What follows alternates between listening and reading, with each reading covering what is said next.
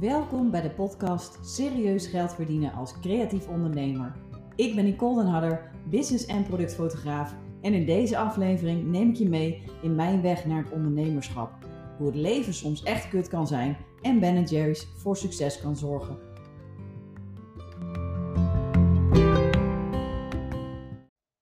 Wat leuk dat je luistert naar mijn allereerste podcast. Ik ben uh, tot nu toe zelf wel eens te gast geweest in een andere podcast. Maar vandaag ga ik er dus voor het eerst één zelf opnemen. Uh, ik heb geen idee of jullie me al kennen en hoe je hier terecht bent gekomen. Maar ik vind het echt heel erg tof dat je erbij bent. De tijd neemt om te luisteren. En ik hoop de komende tijd mijn kennis en ervaringen met je te kunnen delen. En wie nog nooit van mij gehoord heeft, zal ik mezelf nog eerst even voorstellen. Ik ben Nicole den Harder, business- en productfotograaf en expert op het gebied van flatlace. En even uh, een side note voor wie nog nooit van flatlace gehoord heeft. Dat zijn foto's van een compositie door jou gemaakt van bovenaf genomen. Als je wil weten hoe dat eruit ziet, check dan vooral ook even mijn Instagram account Miss Nicole's Diary. Um, verder woon ik met mijn twee kids, Liz en Jason, en Kater Dex in Roosendaal. En ben ik in het bezit van een echte tokkietuin. Als je me al langer volgt op Instagram, heb je die al wel eens voorbij zien komen. Um, ja, het is een achtertuin die er niet uitziet en daar sta ik een beetje onbekend. Je kunt me wakker maken voor een steek van de Argentijn. En als de Ben Jerry's in de aanbieding is, ben ik de eerste die je voorraad uh, inslaat. Uh, maar daar gaan we het vandaag verder maar niet over hebben. Ik vind het stiekem uh, best wel een beetje spannend om die eerste podcast op te nemen. En ik hoop ook dat de buren niet ineens gaan boren, dat de kat niet uh, door de deur vliegt. De kinderen zijn naar school, dus wat dat betreft heb ik ervoor gezorgd dat de omstandigheden goed zijn. En uh, voor de rest ga ik het gewoon maar ervaren. Uh, en, en, neem ik jullie mee op, op mijn reis naar het ondernemerschap. Um, ik ben inmiddels twee jaar begonnen met het opbouwen van een bedrijf. En inmiddels kan ik daar volledig van rondkomen. En heel mijn omgeving dacht in het begin dat het niet zou lukken. En als ik, als ik heel eerlijk ben, had ik er zelf ook niet zoveel vertrouwen in. Um, maar ik ben er inmiddels van overtuigd dat als ik dit kan, ondanks wat ik allemaal heb meegemaakt en voor mijn kiezen heb gekregen, jij als creatief ondernemer ook succesvol kunt zijn. Ik hoop je ook echt met mijn podcast te inspireren en te motiveren. Um, even terug naar hoe het allemaal begon. Ik werkte ooit in het onderwijs als leerkracht. Ik heb de PABO gedaan. Um, en ik werkte eerst in het voortgezet speciaal onderwijs. Dat heb ik 13 jaar gedaan. En daarna begon ik in de gesloten jeugdzorg als leerkracht. Dat was een uh, pittige baan. En in mijn vrije tijd maakte ik destijds ook foto's voor vrienden, familie en uh, kennissen. Ik heb ook een aantal bruiloften op de foto's gezet. Maar uh, ja, dat was nog niet echt, een, dat kon je nog geen ondernemen noemen. Het was meer een uit de hand gelopen hobby.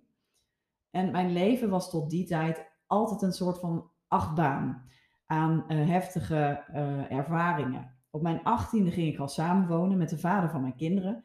Ik kreeg als, een, als broekie er meteen een bonuszoon bij. Ik was uh, net 18 en ik kreeg een bonuszoon van 5. Die is inmiddels uh, uh, 23, woont in Breda. En uh, op mijn 25ste werd ik eh, zelf voor het eerst mama van Jason. Tweeënhalf jaar later volgde mijn dochter. En drie maanden na de geboorte nam ik wel een hele moeilijke beslissing. Ik ging weg bij de vader van mijn kinderen. Um, het was een hele ongezonde relatie door de verslavingsproblemen van mijn ex-man. Maar het duurde me ontzettend lang om daar los van te komen. Um, te lang cijferde ik mezelf weg. Ik zat altijd in de zorgrol en ik probeerde een soort ideaalplaatje na te streven. Ik hield heel erg vast aan, allerlei zekerheden. Uh, ik dacht, als ik maar in dit gezin blijf, dan word ik vast gelukkig en hij ook. En dat deed ik eigenlijk ook in mijn baan. Achteraf gezien een beetje naïef. Maar zo gaat het nou eenmaal met, met slechte relaties. Daar kun je pas uh, achteraf uh, van een afstandje naar kijken en zien hoe dat, uh, hoe dat ja, is ontwikkeld. En ik heb in die periode heel veel geleerd. En de jaren die volgden na mijn scheiding waren behoorlijk stressvol. Ik bleef alleen achter met drie kinderen. Ik had geen omgangsregeling en ook financieel was die tijd heel erg pittig. Als je zelfs wel eens een break-up hebt meegemaakt na een lange relatie, dan klinkt het waarschijnlijk ook wel herkenbaar.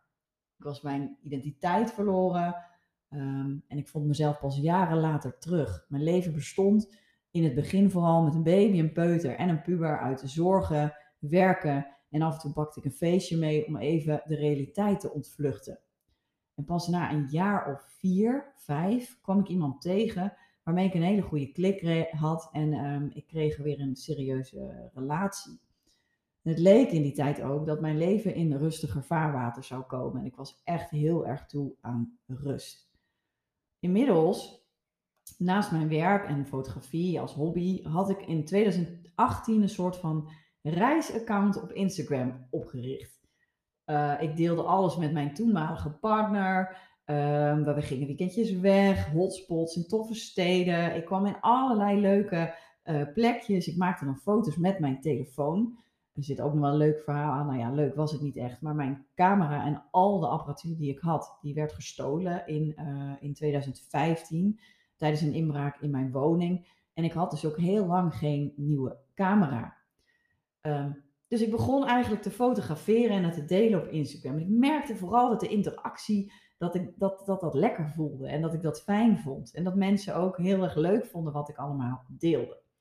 Nou, dat reisaccount, dat liep een beetje door, maar ik raakte ondertussen ook geïnspireerd door Flatlace. En vooral door uh, buitenlandse accounts, waaronder die van Anna Johnson. En ik dacht, wat zij kan, dat, dat wil ik ook leren. En dat, dat moet ik leren en dat, dat ga ik leren. En op dat moment had ik helemaal niet de intentie om er geld mee te verdienen. En ik zag mezelf echt niet als ondernemer.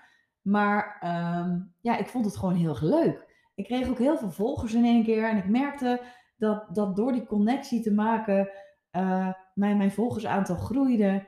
En, en dat andere mensen het ook heel erg leuk vonden wat ik deed. Maar toen, toen stond in oktober 2019 mijn leven in één keer op zijn kop. En het moment kan ik me nog heel erg goed herinneren. Um, we kwamen net terug van een heerlijk dagje Centerparks. En we zaten met z'n allen helemaal rozig een beetje op de bank na te genieten. Tot ik een telefoontje kreeg met een nogal vage boodschap. Er was iets aan de hand met mijn ex-man, maar er werd nog niet gezegd wat het nou precies was. Um, ik stapte in de auto en ik had zo'n gevoel, dit is niet goed. En volgens mij kom ik dadelijk terug met heel erg slecht nieuws voor mijn kinderen. En toen ik er aankwam, veranderde die dag eigenlijk in een nachtmerrie. Mijn ex-man had zichzelf van het leven beroofd.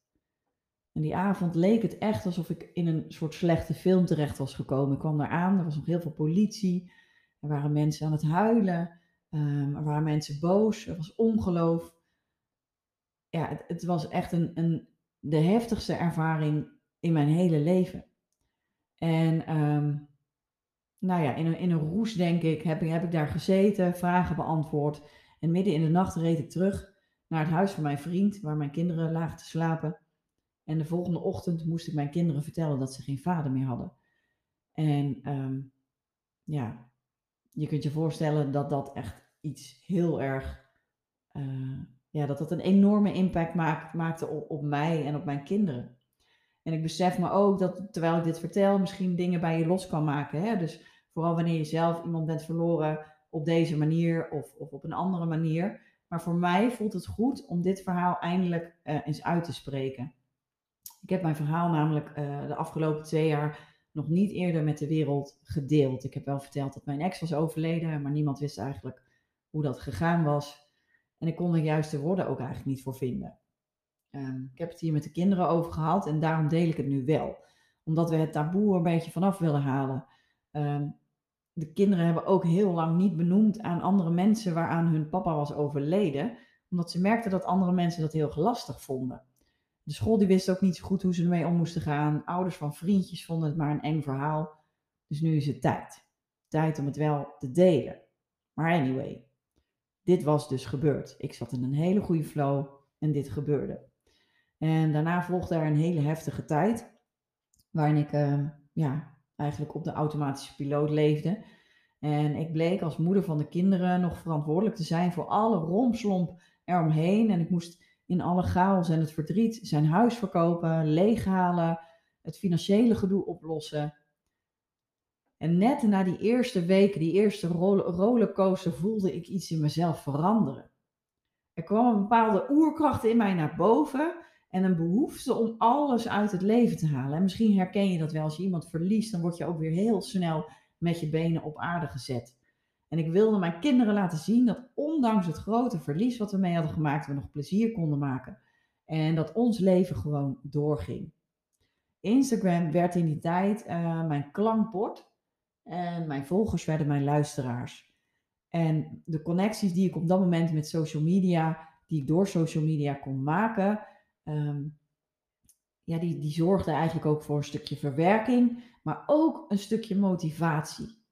En misschien heb je dat zelf ook wel, dat je connecties maakt op social media en die kunnen uitgroeien tot zakelijke kansen, maar ook tot vriendschappen. Ondertussen begon ik van mede-ondernemers um, nou ja, ook input te krijgen. En ik kreeg gratis producten opgestuurd uh, en ik, ik zette ze voor hen op de foto. En toen begon het duidelijk te worden dat wat ik aan het doen was, dat ik daar blij van werd. Maar dat ik daar ook geld mee zou kunnen gaan verdienen. En toen, nou ja, dat weten we allemaal, kwam Tante C om de hoek. En Nederland ging op slot. Ik moest in die tijd nog gewoon doorwerken, want in gesloten jeugdzorg, uh, dat was zorg en daar gingen we gewoon door. Maar ik kon geen uh, leuke foto's meer van weekendtripjes maken.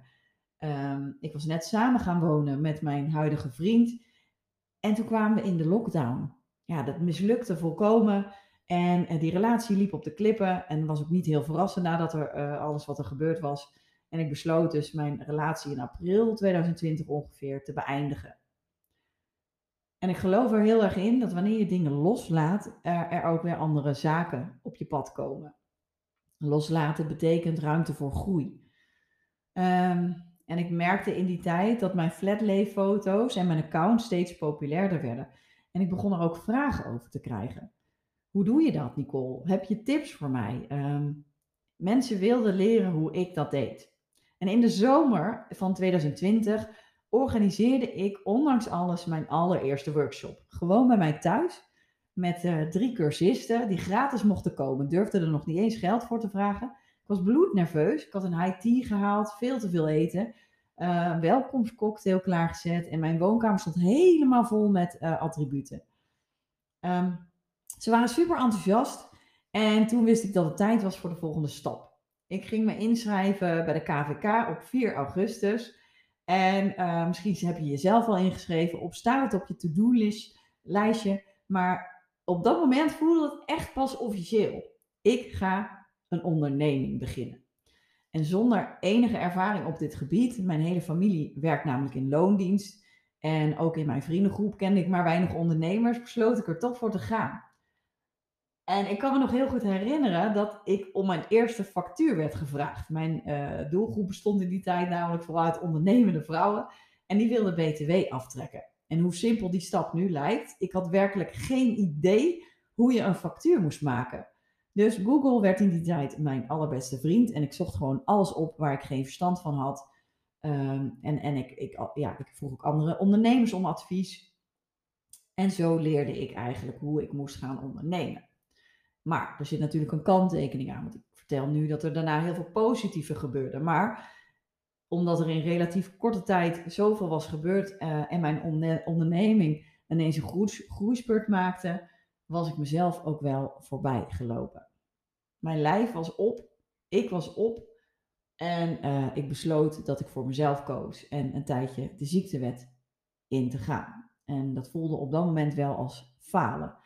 Was niet de eerste keer dat ik in de ziektewet uh, kwam te zitten. Ik heb al eerder een flinke burn-out gehad, maar um, het was nodig. Ik voelde het. In die eerste weken leefde ik als een soort zombie en sliep ik als de kinderen naar school waren uren achter elkaar. Maar toen kwamen, kwam de tweede lockdown en de kinderen kwamen thuis te zitten. En op dat moment realiseerde ik me dat we het eigenlijk nog helemaal niet verwerkt hadden. En uh, eindelijk kregen we tijd, ondanks de lessen die ze moesten doen voor school, dat was in die tijd nog niet heel veel, uh, kwamen we dichter bij elkaar. En ik begon ook te wennen aan het fulltime alleenstaande moederschap. Want ondanks de problemen met mijn ex-man hadden we de tijd voor zijn overlijden al een aantal jaar bijna volledig co-ouderschap. Um, ja, je kunt je voorstellen dat als je er in één keer alleen voor komt te staan, dat je daar weer aan moet wennen. Ik had geen weekenden meer voor mezelf en um, ja, het was me, myself en I. Excuus. Na een tijdje kreeg ik weer wat meer energie en um, begon ik te merken wat de vrijheid toen ik geen baan had even, met mij deed. En ik kon er voor mijn kinderen zijn, ik kreeg ademruimte. En ik merkte dat mijn creativiteit echt een enorme boost kreeg. En ik maakte die, die tijd, en dat weet ik nog wel, ik uh, maakte echt een enorme hoeveelheid puzzels. Echt super. Ja, als ik nu op terugkijk, denk ik, leek wel een bejaarde. Ik, uh, ik hield heel veel middagdutjes. Ik zat in therapie. En uh, ik heb ook een enorme aantal hoeveelheden Ben Jerry's weggewerkt. Um, en ik begon weer energie te halen uit mijn onderneming. En ik begon ook toen pas te dromen van een leven zonder loondienstbaan. Al deed ik het nog wel in mijn broek, als ik dacht aan het opzeggen ervan. Want ik dacht, ja, maar dit, dit kan helemaal niet. Dit, dit is volgens mij helemaal niet realistisch. Dat kan toch niet? Als je allemaal dit hebt meegemaakt, kun je toch niet zomaar je baan opzeggen. Maar op dat moment besloot ik, en ik voelde het ook, het is nu of nooit. Als ik nu niet doorpak en uh, de stap durf te nemen, dan doe, dan doe ik het nooit meer. Dus, hoe deed ik dat? Ik zorgde ervoor dat ik kennis ging opdoen. Ik luisterde naar, nou, nou wat jullie ook doen nu. Ik luisterde uren naar podcasts over ondernemen. Ik deed een cursus uh, bij Debra van die socials, waarin ik voor het eerst in mijn leven hoorde wat een, wat een funnel was. Hoe je Instagram kon gebruiken om klanten binnen te halen. En hoe je een goede basis wegzet voor je bedrijf. Alles daarvoor, wat ik daarvoor wist, ja, dat was eigenlijk niks. Ik kon wel, uh, ik was leerkracht, ik kon kennis overbrengen, maar over het, het runnen van een bedrijf wist ik niks. En het deed me denken aan de tijd dat Anna Johnson mijn grote voorbeeld was op gebied van flatlay fotografie. Alleen nu liet ik me inspireren door vrouwen die het al helemaal voor elkaar hadden. Wat deden zij um, waardoor ze konden leven van hun onderneming? En wat, wat voor gedachten had ik over ondernemen waardoor ik zelf helemaal niet verder kwam. En wat was nou mijn grootste angst? Ik werd daar heel erg mee geconfronteerd. Wat, wat is nou mijn angst? Waarom durf ik het eigenlijk niet? En mijn grootste angst was niet genoeg geld verdienen. Uh, geld was echt een, blokkade geworden voor mij. En ik dacht, hoe kan ik nou als fotograaf genoeg geld binnenhalen om van te leven? Hoeveel moet ik dan wel niet verdienen? Uh, ik ben alleenstaande moeder. Ik, ik, heb geen alimentatie, ik heb geen financiële hulp, ik heb een hypotheek, ik heb twee kinderen, ik heb een kat. Ik zag alleen maar beren. En als je zo lang in loondienst hebt gewerkt, in mijn geval het onderwijs, dan ben je ook echt gewend geraakt aan een vast inkomen, aan verzekeringen, aan je pensioen. Je denkt er eigenlijk nooit over na. En om dat los te laten, moest ik wel door een aantal muren heen breken. Um, en, en toen kwam ik er eigenlijk ook achter dat, dat mijn angsten helemaal niet mijn angsten waren, maar vooral de angsten van mijn omgeving. Ze waren bang dat er iets met mij zou gebeuren, of uh, ze waren bang dat ik die hypotheek niet kon betalen, of dat ik genoeg, uh, niet genoeg klanten zou krijgen, dat ik niet aan mijn pensioen zou kunnen bouwen. Um, en dat er al zoveel fotografen waren, dus wat kon ik in godsnaam nog bijdragen? Maar ergens heel diep van binnen voelde ik dat ik succes kon hebben. En dat ik wel die omzet zou kunnen halen. Als ik maar de juiste dingen deed. Want ik was me wel bewust, je moet, je, je ja, je moet wel een beetje je, je ballen bij elkaar pakken en dingen gaan doen. En wat ik precies deed, en dan bedoel ik dus niet alleen het eten van bakken cookie dough. Uh, om die stap te kunnen nemen, dat vertel ik je heel graag in mijn volgende podcast. Anders gaat deze denk ik anderhalf uur duren. Maar wat ik je wel kan vertellen, is dat ik inmiddels mijn loondienstbaan in augustus 2021 heb opgezegd en nu volledig voor mezelf werk. En mijn angsten steken natuurlijk nog wel eens de kop op, maar ze houden me niet meer tegen. En ik ben super, super, super mega dankbaar en trots op mezelf dat ik die stap, ondanks alles, toch heb durven zetten. En misschien denk je wel, Nicole, waarom deel je dit met ons? Hè? Het is zo persoonlijk.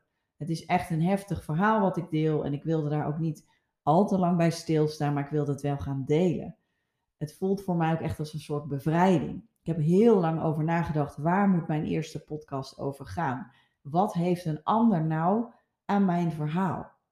En het is niet de bedoeling dat ik hier allerlei aandacht mee wil bereiken. Ik wil vooral jullie inspireren. En ik weet dat je ook luistert met een reden. Ik weet dat ik de verhalen van andere ondernemers heel inspirerend vind. En uh, misschien luister je wel omdat je nieuwsgierig bent naar mij. Of omdat je graag hoort hoe andere ondernemers begonnen zijn met hun bedrijf. Misschien heb jij ook wel een heftige tijd achter de rug of een burn-out gehad of wat dan ook. En voel je gewoon dat het tijd is om voor jezelf te kiezen. En wie weet zit je wel gewoon in de auto en zocht je leuk tijdsverdrijf. Maar wat de reden ook is, ik hoop dat ik je op de een of andere manier heb kunnen inspireren. En eh, ik wil je echt super bedanken dat je de tijd hebt genomen om deze podcast helemaal tot het einde te luisteren. En ik hoop in de komende podcast en afleveringen nog veel meer moois met je te kunnen gaan delen. Zodat ook jij serieus geld kunt gaan verdienen met je creatieve onderneming. Ik barst van de ideeën. Ik heb een hele lijst gemaakt met ondernemers die ik wil interviewen. En ik kan niet wachten om ermee aan de slag te gaan. Um, mocht je nou benieuwd zijn geworden naar wat ik allemaal doe, want daar heb ik natuurlijk nog niet heel veel over verteld, kun je altijd even een kijkje nemen op mijn website www.nicoledenharder.com of mijn twee Instagram pagina's Miss Nicole's Diary of die onder mijn eigen naam nicole.den.harder.